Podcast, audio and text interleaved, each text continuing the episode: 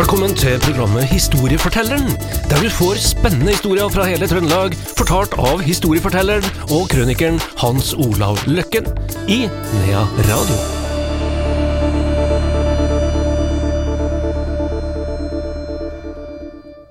Da er historiefortelleren her i Nea Radio tilbake. Det er også historieforteller Hans Olav Løkken. Velkommen i dag også. Jo, takk.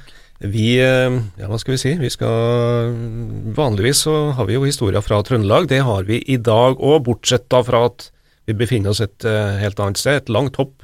Vi skal til Amerika, men selvfølgelig handler det om trøndere som eh, har kommet seg dit. Ja. Det var jo Det var vel bare Gudbrandsdølet som var flere enn trøndere når det gjaldt å utvandre. Jeg tror Gudbrandsdølen var over 90 000, og trønderne var på nå 80 000. Og sånn 858 000 utvandra jo da. Men eh, 200 000 kom jo hjem igjen, det er ingen som prater om. Men eh, det er faktisk alt. også en del av historien, da. Og eh, det er veldig mange fra Selbu, og det her er en familie, da. Og vi skal eh, tilbake da i 1886, da, så skal vi møte en som heter Torsten Sivertsen Eidem, da. Han står på dekket på skip som heter Hero, og der står han og holder godt tak i kjæresten sin, som var Ingeborg, eh, også fra Selbu. Det blir ikke sagt så mye, selvfølgelig, det jeg har tatt avskjed med det vanskeligste, og mor. Eh, og eh, de ser jo der de står at Munkholmen forsvinner, og ja, de så sikkert at Selbu forsvant òg, sånn i overført betydning. Og de visste vel at de vil aldri kanskje få se hun mor igjen, da. Og eh, det der har jeg prata med mye folk i Amerika om, det her eh, sjokket.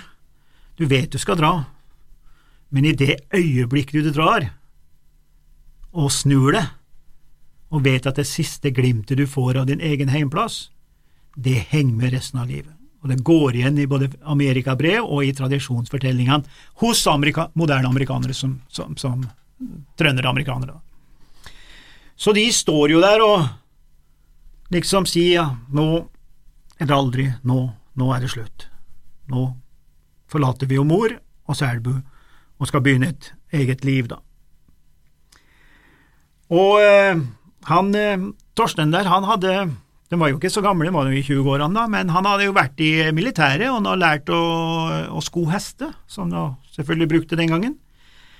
Og eh, han var veldig flink med hendene og sånn, og self-made på mange måter, og da var du da var du framfødt når du kom til Amerika, for der var det næring og tæring. Det var ikke Nav og mm, andre som sto klar for det. Så eh, de gjorde det veldig bra.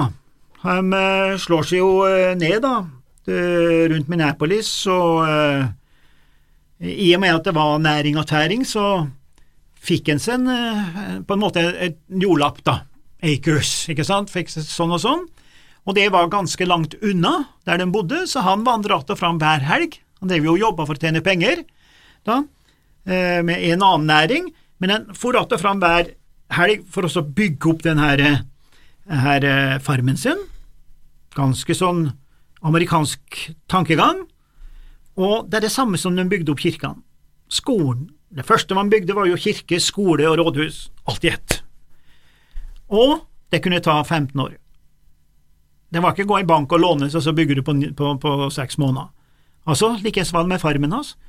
Etter hvert som han fikk penger, så bygde han mer og mer. Antagelig så var det hus uten innbo en to–tre år, og så fikk han innbo, og så videre og så videre. Sånn var det med kirkene, sånn var det med alt, og sånn er det vel i den, mye av det amerikanske systemet i dag òg, at næring og tæring må stå til hverandre da. Men han, han var en driftig kar. Han uh, var smart og la seg opp penger og bygde et uh, kjempehus og var vel en av de virkelige husene som hadde varmt vann. Der karbonlys og de gjorde det ganske bra, og de ble jo gift der borte, da, selvfølgelig, og fikk en del barn. Han eh, klarte også å, å, nesten få en patent på en sånn oppfinnelse eh, i forbindelse med noe med, med kutting av gras og noe ut på farmen sin, men eh, den patenten eller, alt det der, det ble kansellert ut ifra første verdenskrig som kom og sånn, da. Men så skal vi til 11. august da i 1896. Da har vi jo da sju barn, og hun Ingeborg, da, hun eh, skulle da besøke naboen, som er, er da fru eh, Borstad, men det blir jo selvfølgelig fru Børstad hos oss, da, her. Og eh, de sju ungene bestod av seks jenter og én gutt. Og gutten var nest eldst, da, men han ble jo i gåseøyne, da, uten at det er noen som bør bli sur på meg for det, men han ble jo på en måte sjef i den der gjengen, da. Så han, Unge, ungeflokken. ungeflokken. Og han hadde da i oppdrag å kjøre rundt på de her eh, damene. Så når mora da skulle besøke fru Børstad, som er ganske mange miles unna, så var det jo han som måtte kjøre mora, da, ikke sant, da, og er bare en, eh, en, en gutt da på en ti-elleve år. Det hadde vært litt eh, storm og litt dårlig vær noen dager før, og det man da vanligvis gjorde, hvor da gårdene ligger med mange miles avstand, det var at man kjørte seg en inspeksjonstur med hest. Altså for at det ikke skulle ha blåst noe ut på de her fra før av dårlige veiene, så tok de vekk kvist og alt sånt som kunne komme fyrkene. Det hadde de ikke gjort nå, da. Så de kjører av gårde, og har Ingeborg da der liksom, vi har liksom laga til at hun sitter liksom og klapper gutten og er veldig Hun var jo også fornøyd, ikke sant, de har lykkes i Amerika. De hadde eget hus, eget farm, hun har fått sju perfekte barn, ikke sant, og odelsgutten, ikke sant, så klapper jo han på, på håret og er så stolt og er så Det var ikke noe problem i verden. Og han sitter med tømmene. Og han sitter med tømmene. Så smeller plutselig hjulet.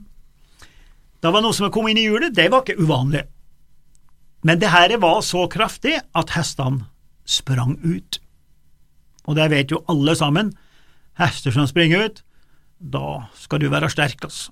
Så de hiver seg begge på tømmene for å så holde igjen, da, og klarte det ikke. Så, hun Ingeborg, som sitter der, de sitter jo i sånn vogn bak. Normalt sett så er det jo sånn regel med at du skal slippe tømmene og alt mulig sånn, men hun holdt i tømmene, og så ble hun plutselig kasta av vogna. Tømmene hadde da fikla seg inn i sideskjørtet eller en eller annen plass, eller i foten eller noe sånt, og hun ble da dratt med i Ble jo da dratt med langs vogna bortover, og der er et stort, gammelt tre som har falt ned. Hestene dine manøvrerer jo seg akkurat rundt det, men treet sperrer jo da nesten halve eh, veien. Og det var sånn tre med sånne stygge greiner på, harde greiner som eh, ikke har noen andre greiner, så det var som spyd. Så Ingeborg, stakkar, hun ble regelrett spidda på et par av de greinene der. Det skjønner hestene, Andreas. Det er ganske fantastisk. Det er jeg som sier det at de skjønner det, og det står jeg på. For hestene stansa de. Hester er ikke dumme dyr.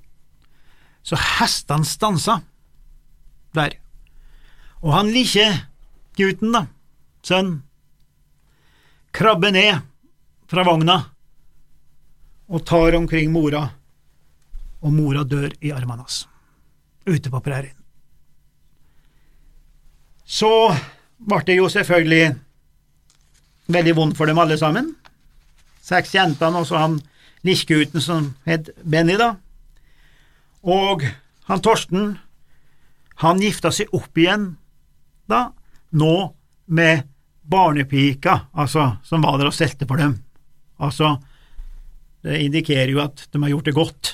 De hadde altså til og med tjenere her. Og de får fem barn til, eller han da, for her, og gjør det fortsatt veldig godt, da, og sånn, men det var jo tragisk det som har skjedd, da. Og hun eh, nykjerringa, etter å ha født fem barn, så eh, dør hun plutselig i influensa, i midt i jula. Og han Torsten, bare tre år etterpå, så dør også han. Og han dør heller ikke noen naturlig død. Nei, han ble påkjørt av toget ved siden av Hager City Airport, som ligger bortafor der. Så døden, den banka jo på, den, sjøl om det også tidligere har vært der. Så jeg ser for meg Ingeborg og uh, Torstein som står og ser at uh, Munkholmen forsvinner, vel uvitende om at begge to skulle bli kvessa på en sånn forferdelig måte. Kanskje bra det, da. Kanskje det er bra, ja. Det var historia vår i dag. Takk til Hans Olav Løkken, vår historieforteller. Historiefortelleren i Nea Radio er tilbake igjen om ei uke til samme tid.